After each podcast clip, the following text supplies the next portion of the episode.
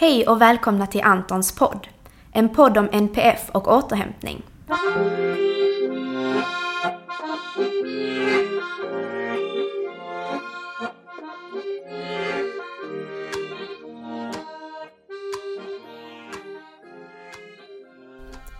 Jag heter Marie och kommer att i dessa poddavsnitt utforska olika aspekter av hur det är att leva med eller tillsammans med någon med NPF, neuropsykiatrisk funktionsnedsättning. Jag heter Josef. För tio år sedan så jobbade jag som pedagog på en särskola och fick en ny elev som hette Anton. Han lärde mig om autism och han lärde mig minst lika mycket om behovet av återhämtning. Jag lärde också känna Antons mamma, Lotta. Att leva med Anton är både fantastiskt och underbart. Men det är också utmanande. För Anton har svår autism och det påverkar hela familjen. Vi är ofta helt slutkörda och har ett stort behov av återhämtning. För att skapa möjligheten att få anpassad återhämtning skapade Lotta, Josef och Antons läkare Helena föreningen Antons hus. Denna podden handlar inte om Anton, men Anton har vi alla gemensamt. Podden är för er alla som också har en Anton.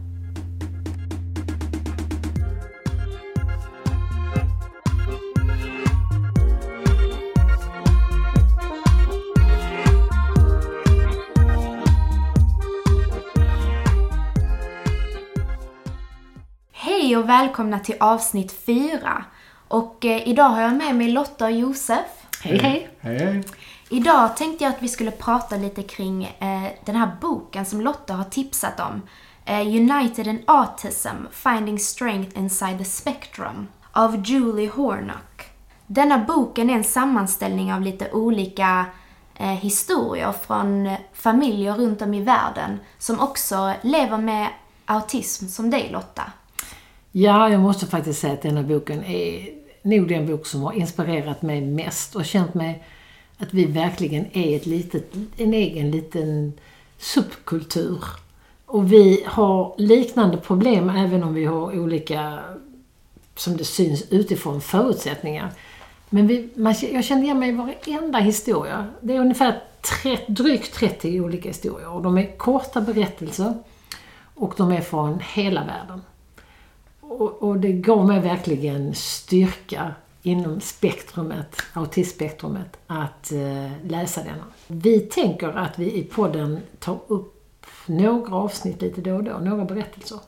Och idag tänkte vi prata om Kirk Smith ifrån eh, Los Angeles i USA. Han har en son som är 18 år och heter JJ. Och sonen har liknande problem som Anton. Ja, eh, det, det är ju ett... Eh, det är ju ett välvalt eh, litet avsnitt tycker jag för att det är ju eh, både lättläst och roligt. Eh, Kirk är ju ståuppkomiker vilket såklart gör att han har ett lite humoristiskt perspektiv på sin son och deras gemensamma erfarenhet.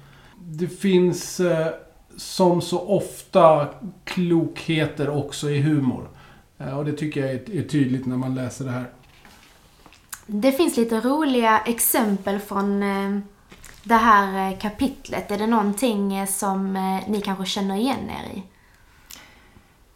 Ja, det, det finns ju mycket, mycket i det här kapitlet såklart. Men alltså, den här uppfattningen när, när, hans son som ett och ett halvt åring får diagnosen autism och han börjar leta lite och hitta Rain Man och börjar fundera och vänta kanske på vilken, vilken hans, eh, vilka, vilka speciella egenskaper som är hans sons eh, superkrafter. Eh, och någonstans landar i att hans sons superkrafter är att klä av sig naken när han blir lite orolig. Och, och om det nu är en superkraft. Det, det, är ju, det finns en viss humor i det såklart. Och det känner jag väl igen mig för att det finns sådana, man har så, många gånger bemöts man av att det finns väldigt säkra åsikter om vad autism är. Och bland annat det att man ska ha någon specialintresse och att man ska ha någon förmåga som ska vara utöver. Och det är, kan hända att det är så, men det är nog mer vanligt att det inte är så. För man är ju en människa. Och alla människor, vissa av oss alla har superförmågor. Men de flesta av oss har det inte. Utan vi får göra det bästa av det vi har. Anton har ingen superförmåga. Nej, det, och, det, och inte heller något superintresse, något specialintresse. Nej, Hans superförmåga är möjligtvis att lära oss om Ja, det, autism. det ska vara det då. Mm. Eh, Jag träffar ju ganska många eh, anhöriga i, i, idag. När jag, inte, jag jobbar ju inte på, på skola längre, men när jag gjorde det så, så träffade jag ju många föräldrar såklart. Och idag när jag jobbar med assistans så träffar jag också många anhöriga till personer med autism. Och, eh, nej, men jag, jag tror att det, det kanske är dags att avliva lite grann den här myten om att eh, man har sådana här specialsuperintressen. Det är en och annan som har det, men jag tror att det är vanligare att man inte har det än att man har det. Mm. Och det finns en och annan av personer utan autism som har superkrafter. Men de flesta av oss har det inte. Nej. Vi är liksom inte Precis. Carolina Klüft, mer än Carolina Klüft. Men specialintressen tänker jag att man, det, det är nog ganska vanligt också bland oss neurotypiker. Man har någonting som man är väldigt intresserad av. Eh, oavsett om det är Palmemordet eller ljudteknik. Eller vad det kan vara liksom. Eh, så det, det är inte så ovanligt, tänker jag. Nej, Eh, och det är också något individuellt. För Ja. som är himla viktigt är ju att man är först och främst en individ. Och så eventuellt har man en diagnos. Ja, precis. Men vad som är roligt med Kirk, han, han tar ett exempel där när hans son eh, när hans son blir upprörd och arg så drar han sönder saker, oftast är det sina kläder. Eftersom han blir störd av att ha kläder på sig. Sannolikt så har han, är han överkänslighet. Överkänslig mot känseln, alltså det taktila sinnessystemet. Så när han, nu vet jag ju inte om det är så med JJ som hans son heter, men om vi tar det bara som ett exempel. Så kan det vara så att när han har kläder på sig så känner han hela tiden att han har kläder på sig. Vi känner ibland, om man inte har problem med, med, med det taktila sinnessystemet, alltså eh, käns, känselsinnet, så känner vi om man tar på sig en tröja eller sånt där och det är ett ovanligt material så kan vi känna det i början men sedan efter ett tag så liksom filtrerar hjärnan bort de intrycken så känner vi inte att vi har en tröja längre. Men har man problem med detta och detta kan man ha problem med utan att ha autism. Utan detta är en annan problematik som är väldigt vanlig för personer med autism dock. Då känner man hela tiden att man har det på sig. Man känner varenda söm, man kanske till och med känner stygnen om det är ett sådant klädesplagg. Man känner definitivt de här lapparna i ryggen som många gånger har.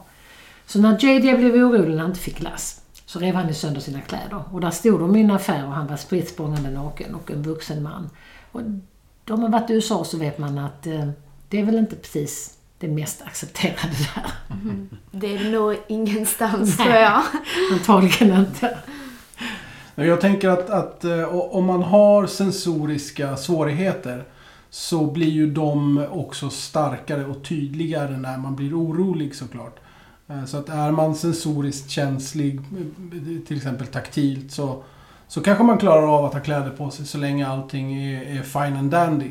Men när man blir lite orolig när glassen är slut, ja men då, då är det någonting som man reagerar på. Ehm, Det här med taktil överkänslighet. Är det något typiskt för autism? Jag skulle säga att det är eh, en av de sakerna som är, eh, är typiska med autism. Eh, ibland, det, här är ju svårt som sagt var, det är väldigt individuellt som Lotta är inne på. Mm, Det är dessutom inte, inte enklare än att man kan vara både över och underkänslig i samma sinne, en och samma person. Och det betyder ju att om man är överkänslig så känner man varenda liten tråd eller så. Och är man underkänslig så behöver man känna mycket för att överhuvudtaget känna någonting. Så att om man är på en hög stressnivå så, så blir man mycket känsligare för både det en, alltså för problematiken oavsett om det är över eller underkänslighet. Men många gånger är det lättare för oss att tänka oss överkänslighet. Att man, att man blir irriterad av att man känner att man har någonting på sig till exempel. Men det andra är också väldigt stressande när man behöver få mycket för att känna någonting överhuvudtaget. Precis, men det kan också fylla en, en viktig funktion. Jag, jag vet att d- din son Anton, eh, när han började bli orolig, då kunde han sträcka fram handen till mig och så frågade jag hårt eller mjukt. Och, och sa han hårt, då, då, då klappade jag till honom i handflatan så hårt jag kunde. Och jag är en ganska stor och stark karl. Eh, men då var det som att hans uppmärksamhet liksom sögs ner till handen. Och det blev mycket lättare för honom att handskas med det runt omkring honom som gjorde honom orolig. Eh, Så där finns ju också strategier att hämta i, i det här med, med att ha en annorlunda perception. Ja, det finns väldigt mycket som vi kan diskutera kring detta. Ehm, men om du som lyssnare vill läsa mer, ehm, Lotta, vad kan man läsa mer om detta? Framförallt så kan man ju bli medlem i föreningen Sinnen och Perception. Föreningen Sinnen och Perception och Antons hus, alltså vi är ungefär samma personer i båda föreningarna. Det ena är en ideell förening och det andra är en ekonomisk förening. Och vi vill tillsammans förverkliga Antons hus. Och i semesterhuset Antons hus kommer det finnas en avdelning som är, som vi just nu har arbetsnamnet Sinneslada. Som ska ge en möjlighet att kunna gå in och prova lite hur, med- med olika övningar och, och aktiviteter som man kan göra som triggar olika sinnen. Och hur reagerar jag? Gillar jag detta eller är detta något jag vill undvika? Vi vill ge möjlighet för människorna som besöker Antons hus att få uppleva detta själva. Så därför så arbetar sinnen och perception och Antons hus väldigt nära tillsammans. Det kostar 100 kronor per år att bli medlem i föreningen Sinnen och Perception och då får man ett medlemsmedel som ger mer information om, om det. För, för att få reda på mer om eh, föreningen Sinnen och Perception så rekommenderar jag ett besök på hemsidan sinnenperception.se. Där kan man, som, som Lotta är inne på, registrera sig och, och bli medlem och få ta del av nyhetsbrevet som innehåller mycket spännande information om just de här sakerna. Alltså sinnenperception.se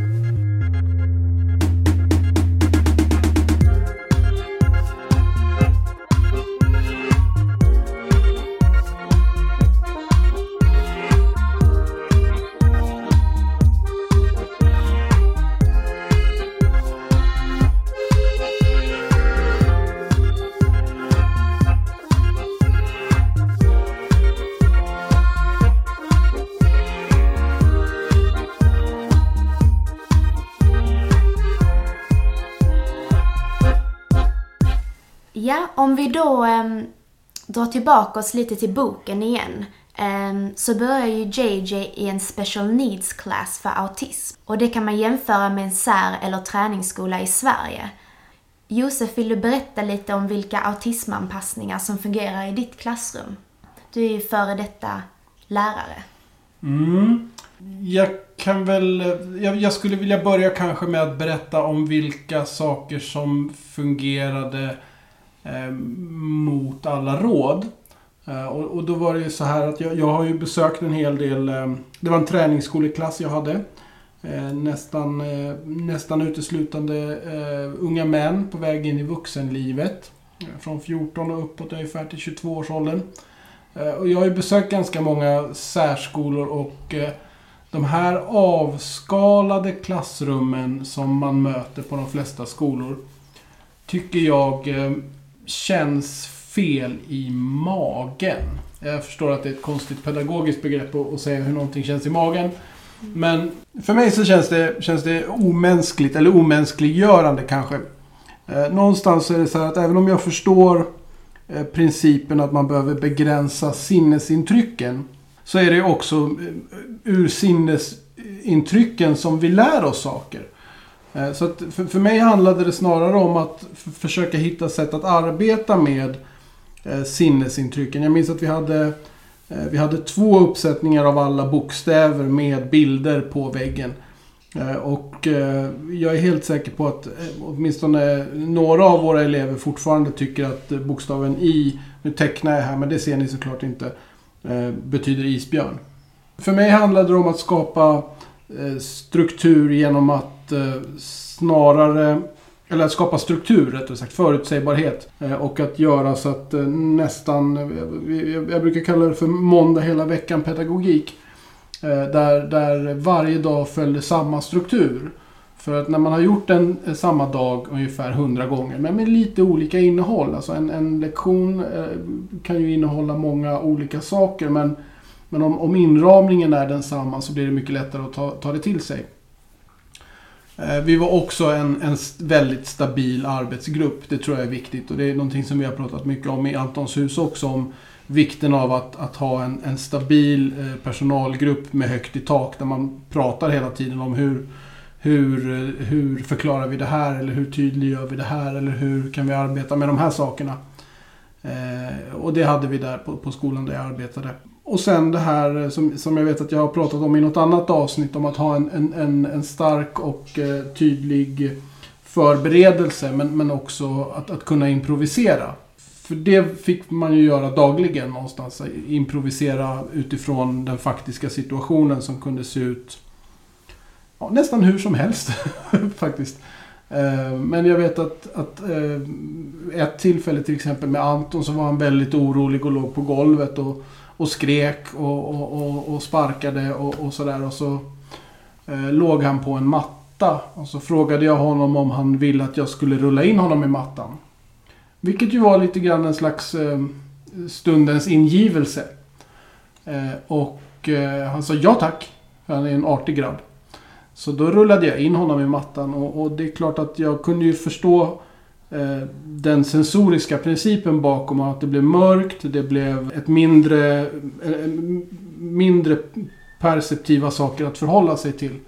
Eh, det var väl Temple Grandin som byggde sig en låda för, för att få samma upplevelse. Men det fungerade väldigt bra och i alla fall under ett par månaders tid så när Anton blev orolig så, så frågade jag honom om han ville rulla in sig i mattan och, och, och han tackade ja och, och, det hjälpte honom att sänka stressnivån. Eh, sen gjorde vi ett misstag som jag tror är ganska vanligt. Nämligen att vi försökte överföra erfarenhet från ett sammanhang till ett annat. Och vi eh, åkte tillsammans, jag och Anton, och köpte en matta eh, och la i hans rum på boendet där han bodde. Eh, med tanken att han skulle kunna få samma typ av eh, hjälp att, att minska oron där. Eh, och det tog inte sådär jättemånga dagar innan den mattan var flis. Och eh, hela strategin med, med att rulla in sig i en matta inte fungerade längre. Men å andra sidan så är det ju också så det är att arbeta med personer med autism. Att ofta så måste man... Eh, en strategi fungerar under en period. Man måste hela tiden tänka att man behöver hitta nytt. Man kan aldrig liksom slå sig till ro med att ja, men nu vet vi hur vi gör när han blir orolig. Då rullar vi in honom i en matta. Eh, för så kommer det nog aldrig att fungera. Utan det fungerar under en period och sen får man hitta på något nytt. Eh, och vara liksom flexibel i sin tanke. Ja, och sen kan en eh, strategi som att rulla in sig i en matta, det fungerar i skolan. Men det fungerar inte i en annan miljö. Nej. Utan där får man ha, man får tänka att, att behovet är densamma men man får hitta en annan lösning. Kirk Smith berättar i sitt um kapitel i boken, han som är pappa till JJ, att eh, han pratar om utmaningarna av att få in JJ på en specialskola och hur svårt det kan vara att få de eh, anpassningarna han behöver. Och hur systemet i USA snarare tar koll på en än, än hjälper en. Känner du att det är likadant här i Sverige, Lotta? Ja, det är det verkligen. Alltså, det är precis en sån klockren beskrivelse när man läser den här boken. Att även om han då befinner sig i USA och berättar utifrån förhållandena i Kalifornien. Det är så i Sverige också. Det finns hjälp att få, men att få hjälpen, det tar så mycket energi att få hjälp av det samhälleliga systemet och hjälpen. Att det är det som tar mest energi. Kanske inte Anton och hans diagnos. Jag vet ju inte om det är så i realiteten, men det känns verkligen så. För det krävs hela tiden att man kämpar och man slåss och man får avslag och man överklagar och man kämpar och man slåss. Och man har ju aldrig gjort detta förr, utan allting är ju liksom första gången när man som förälder gör det. Medan de man pratar med, de sysslar ju med det, det är ju deras profession. Och när man då kanske får hjälp så helt plötsligt så var det fel. Eller så, ska, eller så slutar det för det fungerar. Det är en evig kamp. Så det tar otroligt mycket energi att få hjälp av samhället. Och Anton, han, vi, han fick byta skola fyra gånger, tror jag, på fyra år. Och då pratar vi om en, en, ett barn, som det var då, som det tar ett till två år att vänja sig vid någonting nytt. Så det svåraste för honom är att få byta och komma till någonting nytt. Och det fick han göra ideligen. Och till slut så kom han ju då till skolan där eh, Josef var läraren. Och då var han ju yngre tonår. Ja, och det där är ju... Jag, jag tänker att en stor del av eh, att det fungerade så pass väl som det ändå gjorde jämförelsevis eh, är just att vi hade, dels så hade vi en tydlig struktur på dagarna som gjorde att eh, han behövde inte fundera på hur börjar man en dag på skolan. Dels hade vi en, en liten personalgrupp, vi var fyra, eh, förlåt vi var tre, tre personal på tre elever. Så vi, vi jobbade ju en till en och, och Anton var ju då knuten till mig. Eh, väldigt tydligt. Eh, och, så vi gjorde ju allting från att skolan började klockan halv nio till att den slutade kvart i fyra tillsammans. Eh, men jag tror att eh, tyvärr så är det så att i, må, i många skolsammanhang och andra sammanhang också så, så har man inte riktigt... Eh, alltså det, det finns någon, någon slags eh, lite sån här, jag vet inte om det är en jantegrej nästan att man det får inte vara kopplat till en person. Utan man ska kunna byta ut varje enskild person på en arbetsplats. Om det är en särskola så ska du kunna byta pedagog. Det ska inte spela någon roll för att det ska vara pedagogiken som är det bärande.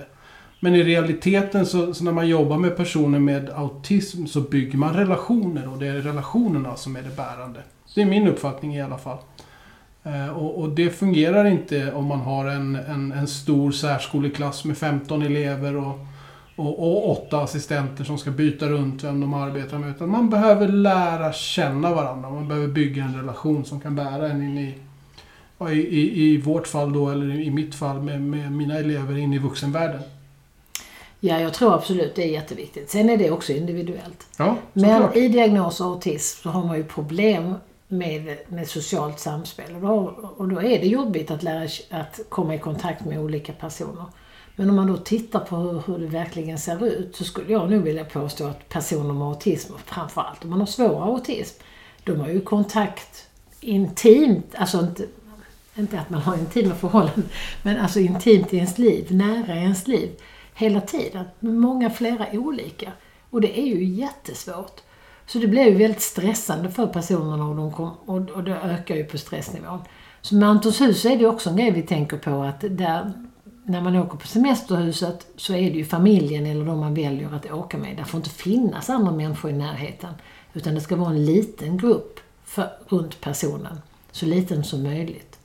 Och så gäller även den dagliga verksamheten som ska arbeta på Antons hus. Att personalen ska vara få och väldigt kunniga på just de individerna som är där.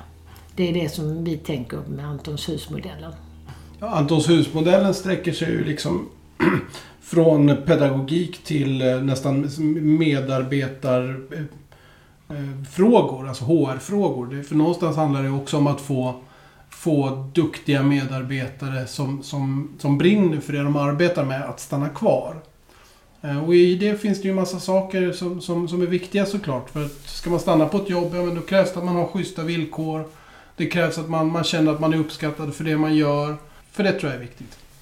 Absolut. Och framförallt det är ju fantastiskt att jobba med en grupp som Anton. För att om man gör rätt så blir det så himla bra. Det gör så, man gör verkligen skillnad. Livskvaliteten för en annan person. Alltså något bättre arbete och tillfälle kan jag inte föreställa mig. Tänk vilken lycka att kunna gå till sitt jobb och så känna att när jag gör ett bra jobb så gör jag en livsavgörande skillnad för en annan person. Det är väldigt få yrken förunnat att få den upplevelsen. Samtidigt, gör man inte ett bra jobb så blir det riktigt dåligt för den personen. Så är det ju. Och det är klart att... Eh, det, det är klart att det, det, skulle ju inte vara sant att säga att alla mina dagar med Anton eller med hans, hans klasskamrater har varit fantastiska. Så har det ju inte varit. Det har ju varit många tuffa dagar. Men precis som med, tror jag, alla andra relationer så... Tuffa dagar eller tuffa, tuffa skeenden stärker en relation om man tar sig igenom den tillsammans. Så att jag tror man måste, man, man måste se att det handlar inte bara om att man ska ha kul på jobbet eller att man ska vara lycklig på jobbet utan att man ska ha det viktigt på jobbet. Kan man säga så? Man ska ha det viktigt på jobbet. Det är mitt nya slagord. Det tycker jag låter väldigt bra. Ja.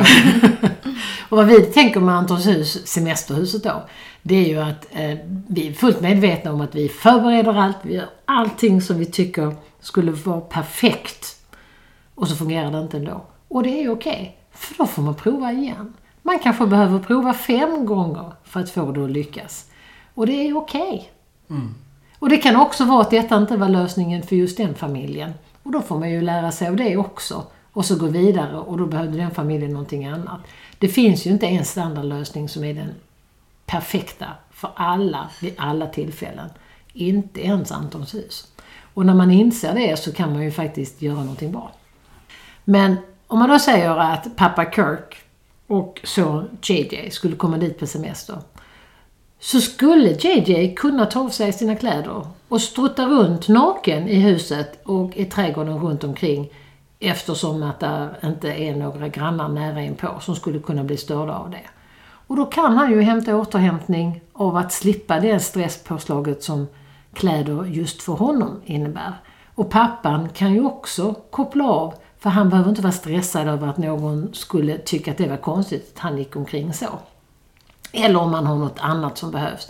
Sen kan de gå in i sinnesladan och så kan de prova olika taktila, alltså känsliga material eller man kan få prova olika saker och se vad man tycker om och inte tycker om. Och man kan få råd och tips vad man kan prova och man kan komma på egna förslag. För alla människor har väldigt många olika insikter och kunskaper. Så man ska bara inse att man har dem och att plocka fram och bli medveten om dem.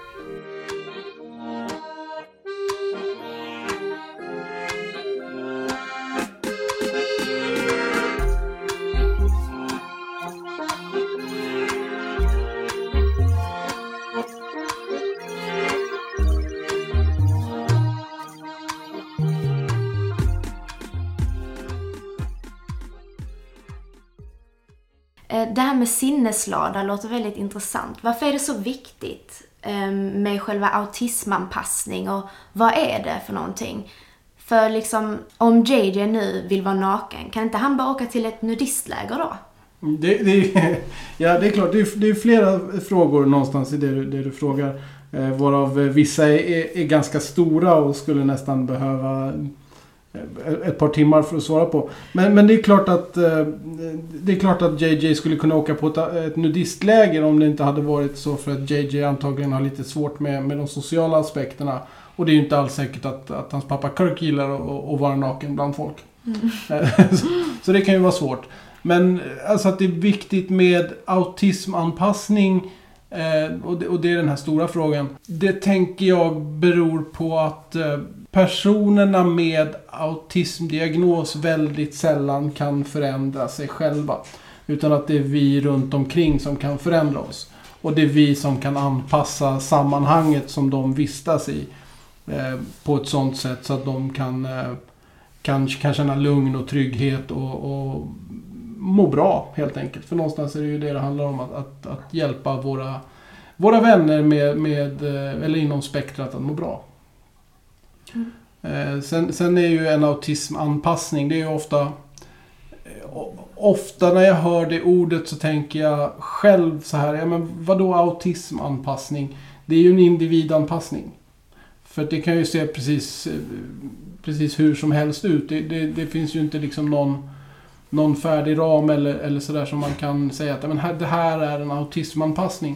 Sen kan man ju peka på att det finns vissa, vissa likheter som kommer sig ur diagnoskriterierna. Liksom. Men det, det blir en ganska, ganska tråkig redogörelse tror jag. För. så, så det skulle vi kunna stå över.